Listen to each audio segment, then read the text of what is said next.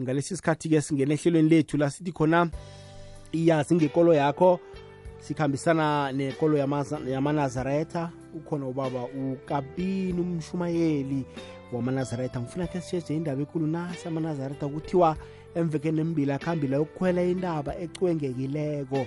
Asitshele nje bona bekwenze bebakwenzelani lokho? Eh bebayokwenzani lapho? Kuhlezwe isikhathi esingangani yathoma nini indaba yokukhwela indaba yenzeka kanye namkha vele yenzeka nyaka nonyaka. Kuba yini bebakhetha utshirhweni into ezifana nalezo hlala nomhatsho nje ikwekwezi FM ubize nabanye. Khumbula-ke bona amahlelo afana nala ayatholakala naku-podcast nakakuphundileko ufike udownloade ngaphasi kwehlelo sizigedlile uzilalelele kuhle ngesikhathi sakho nawe. Hlala ithwa sikwamukele kukokwezi FM intambama ayibehle kwemindlelafu intambama ehle nakumlaleli wegogoz FM siyathokoza hlalithwa. Imini yakho beyibenjani awa mindlelavu siyaphila siyaphila. Sasibalabalelo somningi umtshiso okuphethe njani wesiyabuswa? Ah ngimntwana la mindlolavu ngazalwa la ngikhulela la. So umtshiso ngewekhaya so ujayele eh ngimuntu wakhona mindlolavu kuyazwakala mshumayeli. Nasi indaba enkulu la sibonile emaphephandabeni sibonile kubomabonwa kude emhathweni kukhuluma kukhulunyiswa indaba ekuphakameni bona ke bayokukhwela indaba. Nakuthoma unyaka lo. Akusindlalela isihloko sethu sanamhlanje hlalito ngiyakuthokoza mindlelafu ah mindlo indaba yindaba ayithomi namhlanje.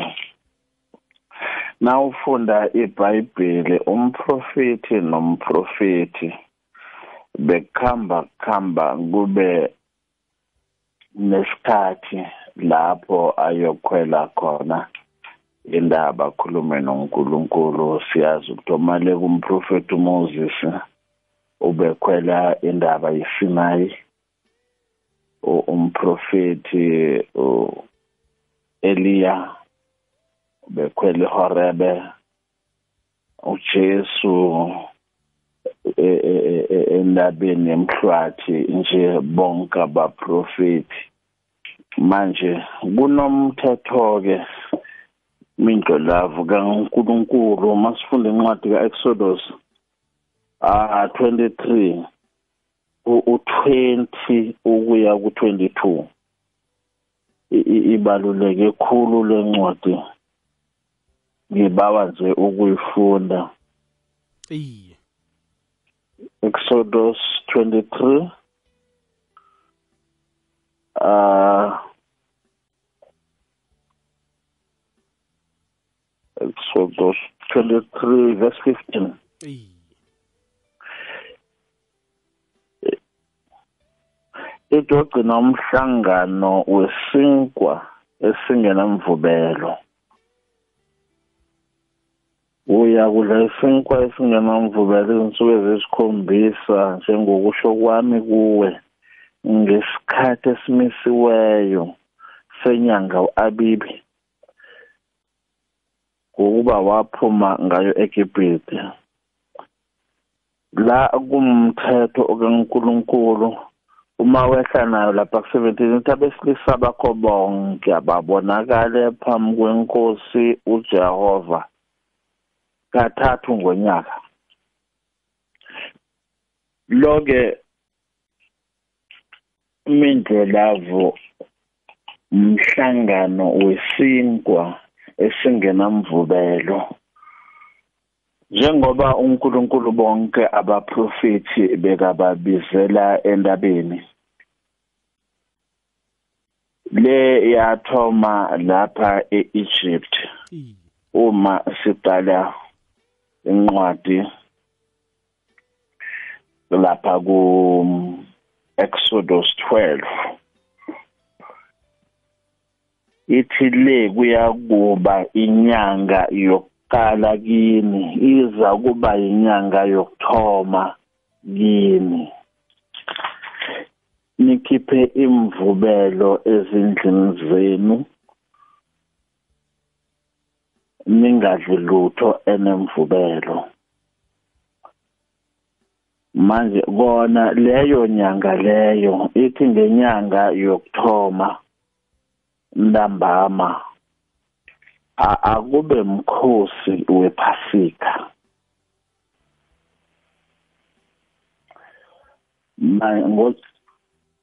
Not necessarily ngojanuwari ngoba inyanga yokuthoma e-middle east yakuyinyanga u-abibi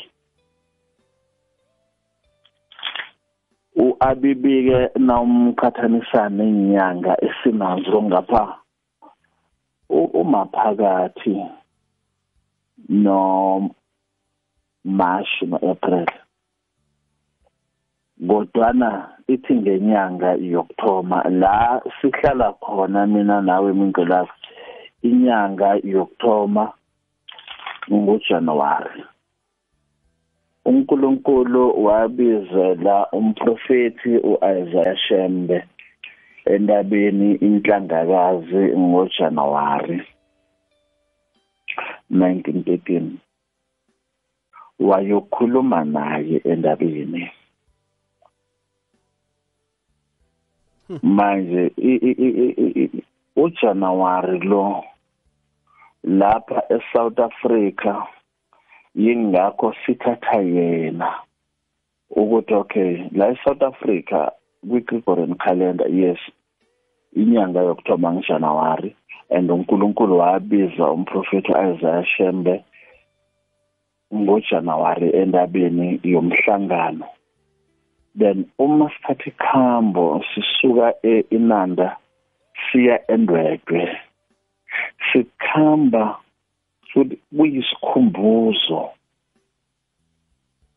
sokuthi ngalenyanga le uNkulunkulu wehla eSouth Africa wehlela entabeni inhlangakazi wazokwembatha umuntu kunesihlabelelo sithi inkosi yehle ezulwini yazoba umuntu ebantwini. Um yakhe yehla nakwajuda inkosi mawufunda ibhayibheli ithi ujesu wathi sekana 30 years. Wehlele eJordan wathola umbhabhadisa bhabhadisa naye wabhabhadisa lithi uNkulunkulu wehla umoya engcwele usimo sejuba wahlala phezu kwakhe. Nomoya engcwele la eSouth Africa wehla ngoJanuwari. Ngokusemthethweni waqhotshwa ushembe kwahlala umuntu wezulwini kuye. Maya masikhwela indaba sikhumbula leso sikhathi sigcina nomthetho. Okay omunye angathi ke ngoJanuwari nje kuliphasika of which akusi liqiniso iphasika ke imindlelavu la lalingenyanga yokuthoma ngem14 ntambama njengoba iBhayibheli lisho uma ufunda nje iBhayibheli Exodus 12 uh, verse 6 iyasho ukuthi mhla ka14 eh ntambama ikhwasisa nencwadi kaNumeri 28 verse 16 ya 17 neLevi 23 nje kuningi ngakusho ukuthi mhla ka14 enyangeni yokuthoma ntambama kuliphasika kodwana yini iphasika? Nakho kubalulekileko abantu ekufanele bazi. Ukuthi yini iphasika? Lali-celebratelwani iphasika.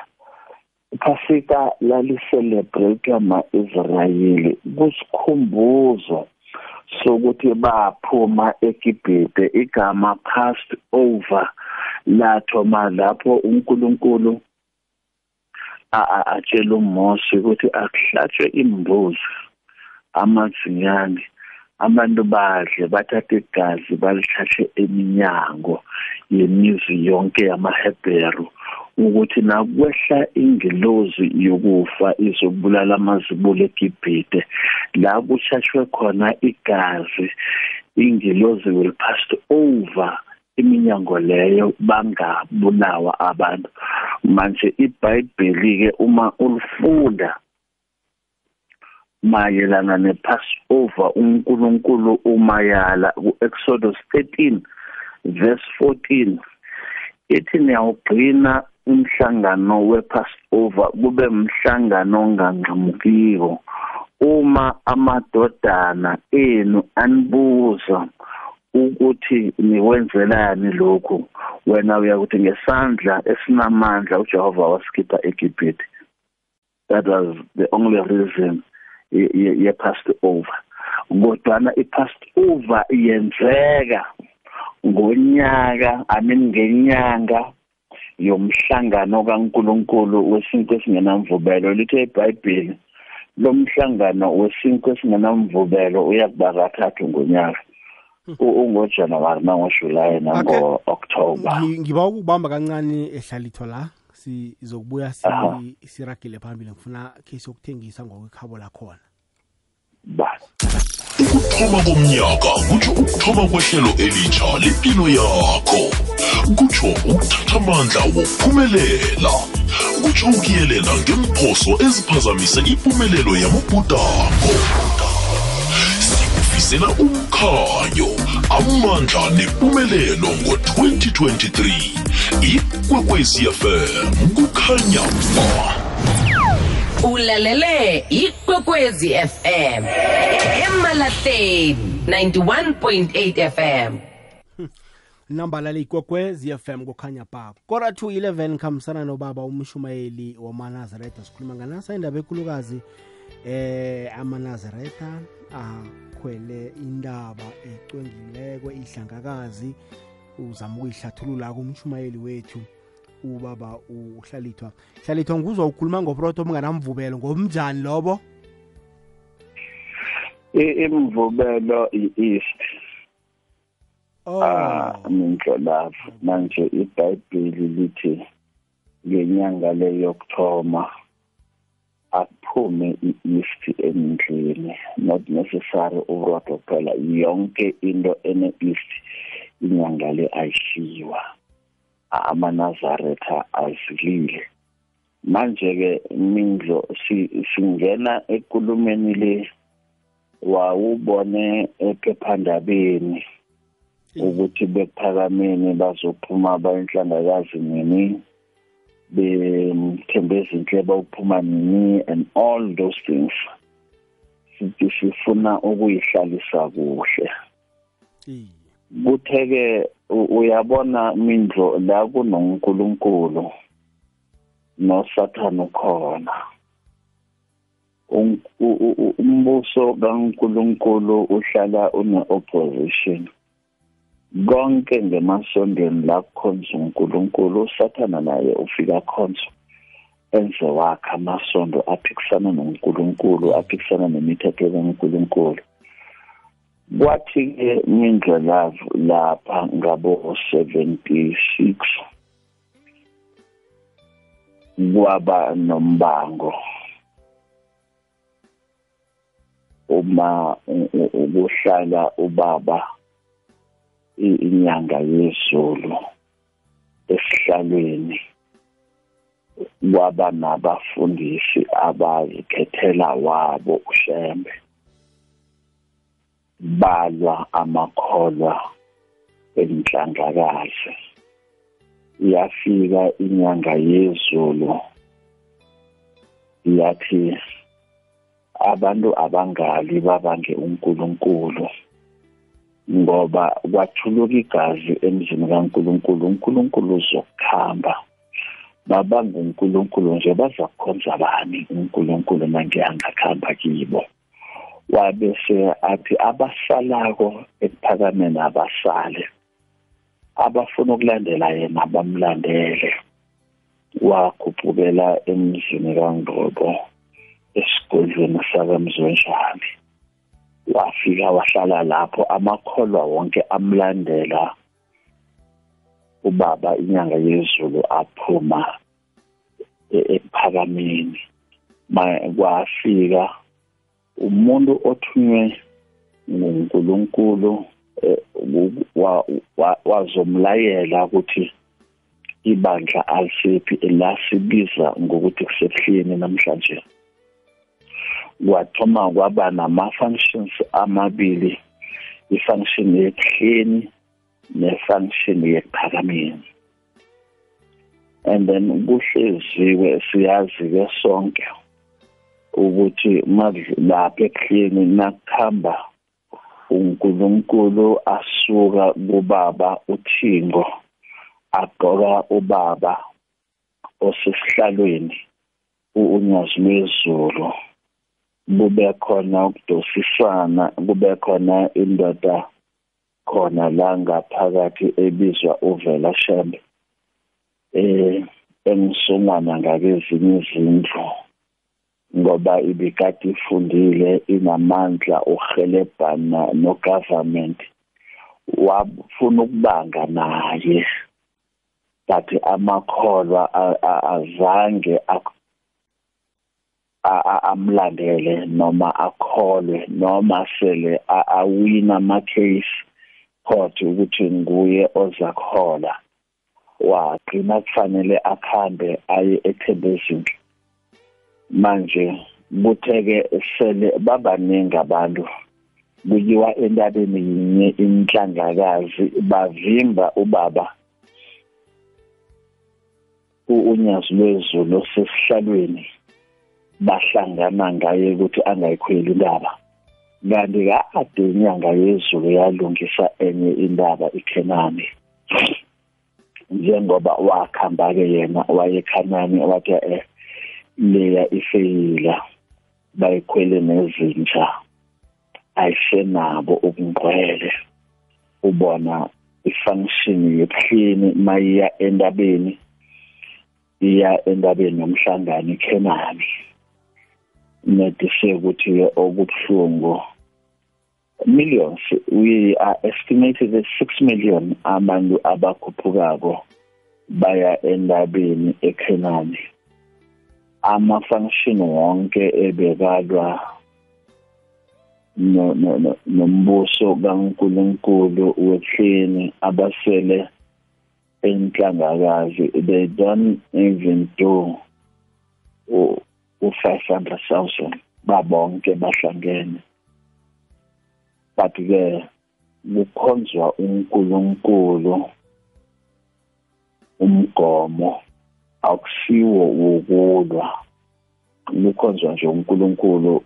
Uma ke usathana afuna ukulwa nawe uberegisa umndeni wakho uberegisa abangani bakho uberegisa ama-coworker akaberegisi umuntu ongamaziko kodwa nathi sifuli abantu bafikile endabeni njengoba sikhuluma abantu basendabeni. After two weeks basendabeni abantu bazokwehla babuyele ebuhleni. Kodwana umhlangano wesinkwa esinganamvubelo uyogidingwa inyanga yonke kaJanuwari. Sithoma unyaka ngomkhuleko sikhulekela unyaka sikhulekela eSouth Africa sikhulekela impilo sikhulekela nje konke ukuthoma konyaka lo. Angazi nombuzo. Ya iyazwakala hlalithwa iyazwakala. Bona thoma kuhle nonyaka eh thoma kulungisela unyaka uthi usathoma nje kuyokhwelwa indaba kube mnandi kube enjaya mlaleli kokwezi nawe singakuvaleli ngaphandle. Ngikhambisana nobaba umshumayeli wamanazaretha sikhuluma ngendaba enkulu nawe uyibonileke emaphephandabeni wayibona nakumabona kude indaba ezifana nalezo. Ngifuna khe ngithengise nangibuyako hlalithwa ngifuna ko sitshele ke bona kuhlalwa amalanga engakhi endabeni. Dwana sizokubuya. Ikwekwezi fm middleburg namaphethelo 91.8 fm ubusuku baphakathi kweveke ngebokwakha isitshaba sivuke sisitshathe sikwazise ngengorho esiphila nayo nangekolo yawo sizigedlile ngomvulo bekubenkolosine nomindlo lawo nyaka omutsha 2023 2023 sivukile breakfast show. Awe. Siragele phambili-ke iba likhomba ngaphambi kobana kubethe isimbi ye-echumi inanye yazi ngekolo yakho. Eh mshumayeli abamangakho amalanga eh, endabeni mhlambe? Eh normally mindlolavu uma abantu bakhuphuka nje ngoDecember kuyiwa eklini ukuthoma lapha ngoChristmas abantu bayakhuphuka njalo zithi niye eve niye abantu baseklini kungaziwa ukuthi kuyoqhamuka nini. Silinde ilizwi lenkosi elizokusho ukuthi umhlangano uphuma nini. Bese ke selishile inkosi njengonyaka lo uphume ngen3 ukhamba ke indlela of 3 days it's about 90 kilometers ukusuka enanda ukuya endwedwe endabeni sikhamba ke 3 days phasi ngenyawo ngaphandle kwenyathelo.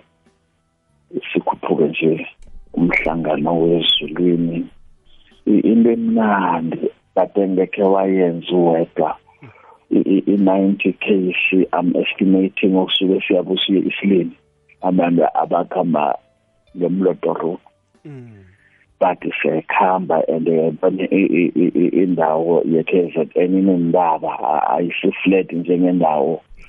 Ayifani nangapha kwaNdebele.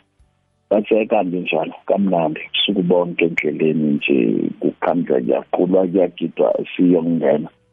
Uma sesifikile-ke endabeni kodwa silinda ilizwi lenkosi elizokusho ukuthi kwehliwa nini so akunasikhathi esibekiweko ukuthi kuhlalwa so silinda nje ushembe asho ukuthi sekulungile singehla sibuyele ekuhleni iya iyazwakala kuleyo ndawo. Alo indaba iba yinye namkha nyaka nonyaka ziyajugululwa?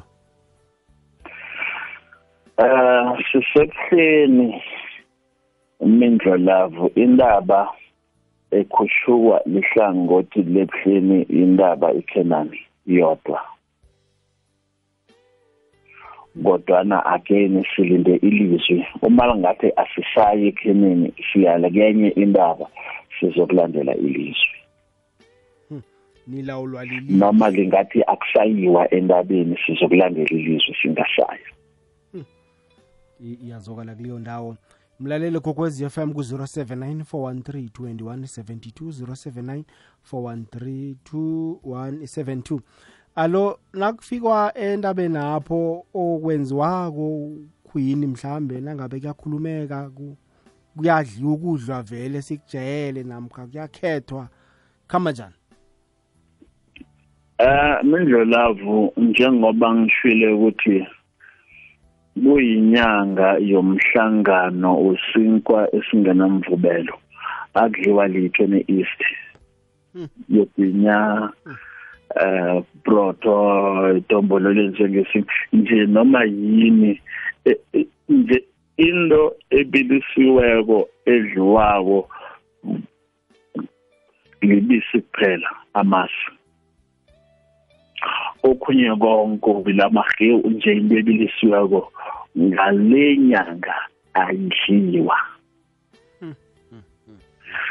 And nekukhu ikukhu nayo iyimbiliso ngoba idlela entanyeni ibilise maqansi before izoginya.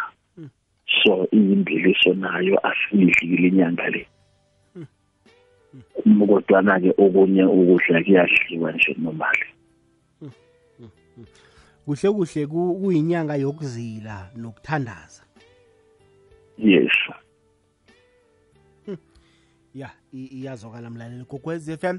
Mbili kimzuzu ngaphambi kobana kubethe isimbi ye-chumi nanye eh, nanzo-ke inomboro ku-079 413 079 413 iwhatsapp uh, number yethu leyo inomboro zomtato 086 3278 086 3278 nawenze kunjalo ungadosa nawe khona ukubuza umbuzo ofuna ukuwubuza ngendaba esiyiphethe namhlanje. Ngikhambisana la nobaba uhlalithwa umshumayeli wamanazaretha. Sikhulumisa nasa indaba eh yamashembe nabaza khwela indaba eh, uyasho baba ukuthi amalanga amabi abamabili eh izinto ezingadliwako ngilezi ezingana east kwa into ezifana nalezo. Lilwazi nje ekufanele lifike nje endlebeni zakho wazi nje ngenkolo okuhlukahlukana kwazo. Eh sele nehlile ilwizi selizwakele soloko inyanga le yokho eniyaraga nizilile. Bekuvalwe ilizwi umhlangano uthoma ekuseni. Kufaka umdedele umhlangano uyokuphelela ekuseni. Lathi nje ilizwi lenkosi uyavalwa umhlangano namhlanje sho ukuthi sesiqedile ukusila. Ya no i- iyazwakala ah, hlalithwa manje lapho ke kuqaliwe ubudala bomu nabantwana bakhona hlangana namkha kuqalelela abantwana abakhulu abantu abakhulu kwaphela. Yonke inyama ikhona. 90 kilometers eh, libanga elide hle. Khanje kuhamba kuya kuyalalwa endleleni na niphethe nokudla yonke into efana naleyo. Ya indlela vo kuphunyulwa cishe kathathu ke ke kulalwa lalwe kodwa ke kumenyezeke ukuthi uyakhamba kumhlangano godi sivuke siqhubeke. Lapha phambili kukhamba yena inkosi ngenyama ayikhweli nayikolweni ikhamba phahla. And then ikulandelwa bobaba ke ngokulandelana manje amakhosi bafundisi bavangeli bese kuzabo baba nasele kuphelela bobaba ngemva kwabo. Ukuza amakhosazana siwabiza ngama-vision amaklawana. Ayalandela ke wonke nawo. Emva kwabo ke kuzabo mama namathari. Nje ilayini lide indlo kangangokuthi na ukuhamba thina ke abashumayeli sigade umhlangano. Uma ukuhamba phakathi mhlambe ukuhamba la ebantwaneni ama amaklawana la ubona mindlo ihloko seyisithela lale. Kwendaba kude kukhulu umsila ubone ukuphi ngendlela abantu babaningi ngayo endleleni nokukhushu kwabo ya kuyazwakala. Kunomuntu mhlawumbe uqeda ukungena nje ehlayethwe bekangakalaleli eh na uhlathulula isizathu akhowutha namavesi akho akho ibethe ngamabala enguye ubuyelele bona lokho kwenzelwani mhlambe? Um ngithe mina indaba ithoma ku-exodus 12 uma baphuma egidibe sebasehlane uthi uNkulunkulu le kuzokuba yinyanga yokuthoma ezinyangeni zonyaka. Ngalenyanga kuza kuba umhlangano wesinkwa esingenamvubelo. Niyakugcina lomhlangano kuze kube sekupheleni it means forever. Then lithi iBhayibheli ngayo yona lenyanga yomhlangano wesinkwe singenamvubelo ngelanga lika 14 lambama kuliphasika likaNkuluNkulu. Abantu abadle iphasika ngitheke mina iphasika inyama yemvu noma inyama yembuzi. Kuliphasika lelo lika Jehova izimbuzi zahlatshwa eGibhite umzukwana ama-Israyeli akhamba kwathathwa iminyango yabantwana bakwa-Israyeli ngengazi ukuze ingilozi ukubulala amazibulo weGibhite ipaste over. Yeke la kunengazi ngoba kuzobe kunabantu bakwa-Israyeli. Then lokho uNkulunkulu wathi kufanele kucelebrate forever every year ngenyanga yokuthoma yonyaka. Ah iyazwakala hlalithwa. Iba mina-ke imzuzu ngemva kwesimbi yeshumi nanye sesizoyivala mlaleli kokwez f m indaba ethu esiyiphethe namhlanje. Usesenethuba lokubana ungene ubuzo wakho umbuzo ku-086 3278 086 3278 iwhatsapp yethu la ithi 079 413 2172 079 413 2172 sele sizoyivala hlalithwa nje hayi ke sikhulumise nje amaphuzu aqakathekileko eh sikwazi ukuyisona ngokukhwabo lakhona. Manje mindlelapho wona lo mhlangano wesinkwe esingenamvubelo inkosi ujesu naye yafika yawugidinga yawukhamba. Ibulawa nje inkosi ujesu ibulawa isendleleni eya endabeni iyogidinga ibanjwa nje ibulawa ibulawa ngo-friday we- we- we- wenyanga yokuthoma aya endabeni manje ukufika kwabo Constantine bayitshentsha into le bayenza yabahedeni A- angibuyelele. Batshentsha iphasika balenza labahedeni njengoba iphasika lingenyanga yokuthoma eBabylon bona be beba celebrate uEaster festival. iEaster festival nayo yayingenyanga yokuthoma uAbibi nayo.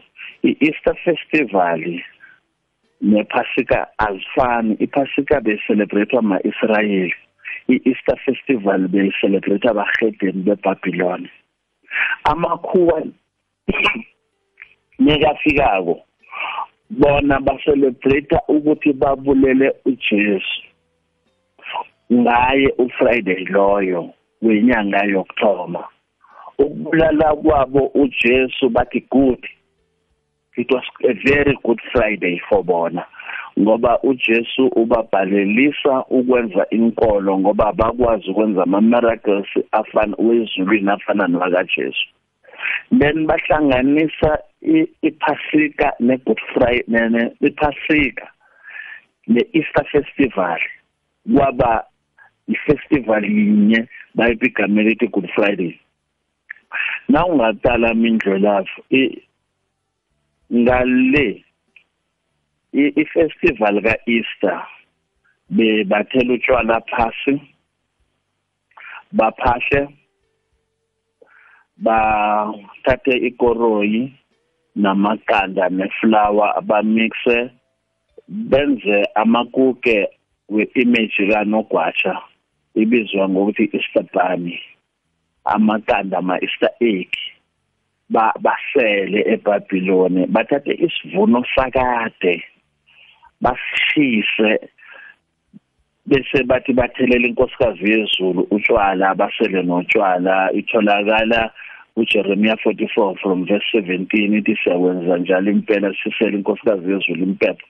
uNkulunkulukazi inkosikazi yezulu batsho uEaster uNkulunkulukazi weBabylon bakwenzelani lokhu? Ukuthi yonke into ngenyanga yokuthoma ithoma phasi kusishalo and bakholelwa ekutheni todi nomuntu womfazi ongayi ongatholi abantwana nekangaya emsemini ngendoda nendoda ngeEaster festival uza kuba nabantwana kanti ama-Israyeli wona neka celebrate i i-Passover beka celebrate something else.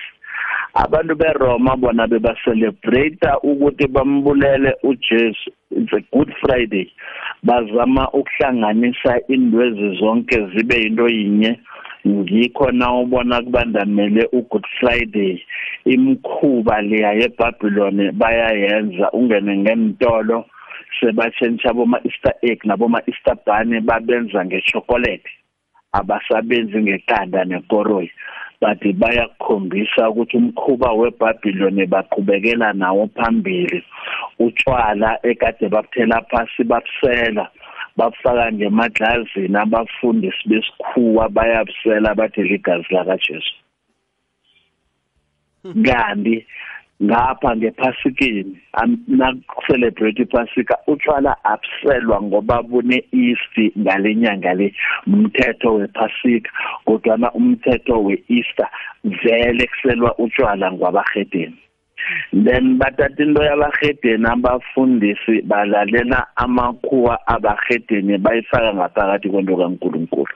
11 past 10 eh, 11 leyigugwezi FM kukhanya ba yazi ngekolo yakho ngikhambisana nomshumayeli wamanazaretha sikhulumisa indaba ekulukazi eh, amanazaretha bakwashembe bakhwele indaba. Khumbula nakuthoma linyanga le uyasihlathululela ubaba. Hayi hlalithwa asiyisonge utshele nomlaleli kokwez FM inomboro. Eh okhunye okubalulekileko iphasika leli uNkulunkulu wayelenzele umthetho mindlu umuntu ongakachadi ubegade angalidli iphasika. Nomuntu ongakasoki ubegade angalidli iphasika Exodus 12 verse 48 ongasokile angangeni endlini yesidlo. Namhlanje bathatha abantu abangakasoki babe bafundisi batsho babadlisa iphasika. Akusilo. Umthetho wephasika uthi umuntu ongasokile angalidla angangeni ngisho nesidlweni. Umuntu ongena esidlweni senkosi umuntu opheleleko mindlo ufanele kibe uchatile fanele kibe usokile uphelele mawunjalo. Mawulandela umthetho kaNkuluNkulu mayelana nesidlo senkosi ngiyathokoza mindlolavu um ngibawa abantu bangaba offended masikhuluma indaba zakaNkuluNkulu ezibhalwe ngeBhayibhelini sizozikhuluma njengoba zinjalo. Singangezi singakhiphi. Basixolela abantu siqotshelwe lokho ukuthi sikhulume. Ngithokoza nomuntu ovukileko nje osilaleleko ebusuku kangaka. Sizokusolo sifundisa mindlolavu nanisipha ithuba uNkulunkulu anisebenzise. Omunye angathatha ukuthi mhlambe nenza umhatsho ube mnandi. Kodwana nisetshenziswa nguNkulunkulu. Kwaba masikhuluma kaningi eBhayibhelini bekunabaprofeti ezangekhe bangene ngebhayibheli basho bayasonda or bazwakale bashumayela abo David abaprofeti bemkhondo kodwana bebasebenzela uNkulunkulu banjalo ezange baye esondweni nala eSouth Africa we did have umprofeti uMandela he had his own mandate evela kuNkulunkulu ukuliberate. Akusho ke ukuthi izanga esondweni akusuye umprofeti umprofeti ushaka wazela ukwathi isizwe samaZulu umprofeti ngoba bonke laba profeti engikhuluma ngabo izinto ebebazikhuluma ukuthi zizokwenzeka bezenzeka. Umuntu lo esimbiza umprofeti nami uma ngabe mindlo sibhala our history uh, religious history fanele nibe khona kuleyo ncwadi nikwekwezi FM uh, nibhalwe nami ukuthi ebusuku umindlolavu beka. Mema abafundisi la kube interfaith ipikiswana kodwana ngenhloso yokufundisana. So umkhulu nawe phambi kobuso bukaNkuluNkulu ikuli kwekwezi FM siyayithokoza. Kunjalo hlalidwa kuthokoza thina. Inomboro zakho mhlambe na ku social media utholakala njani?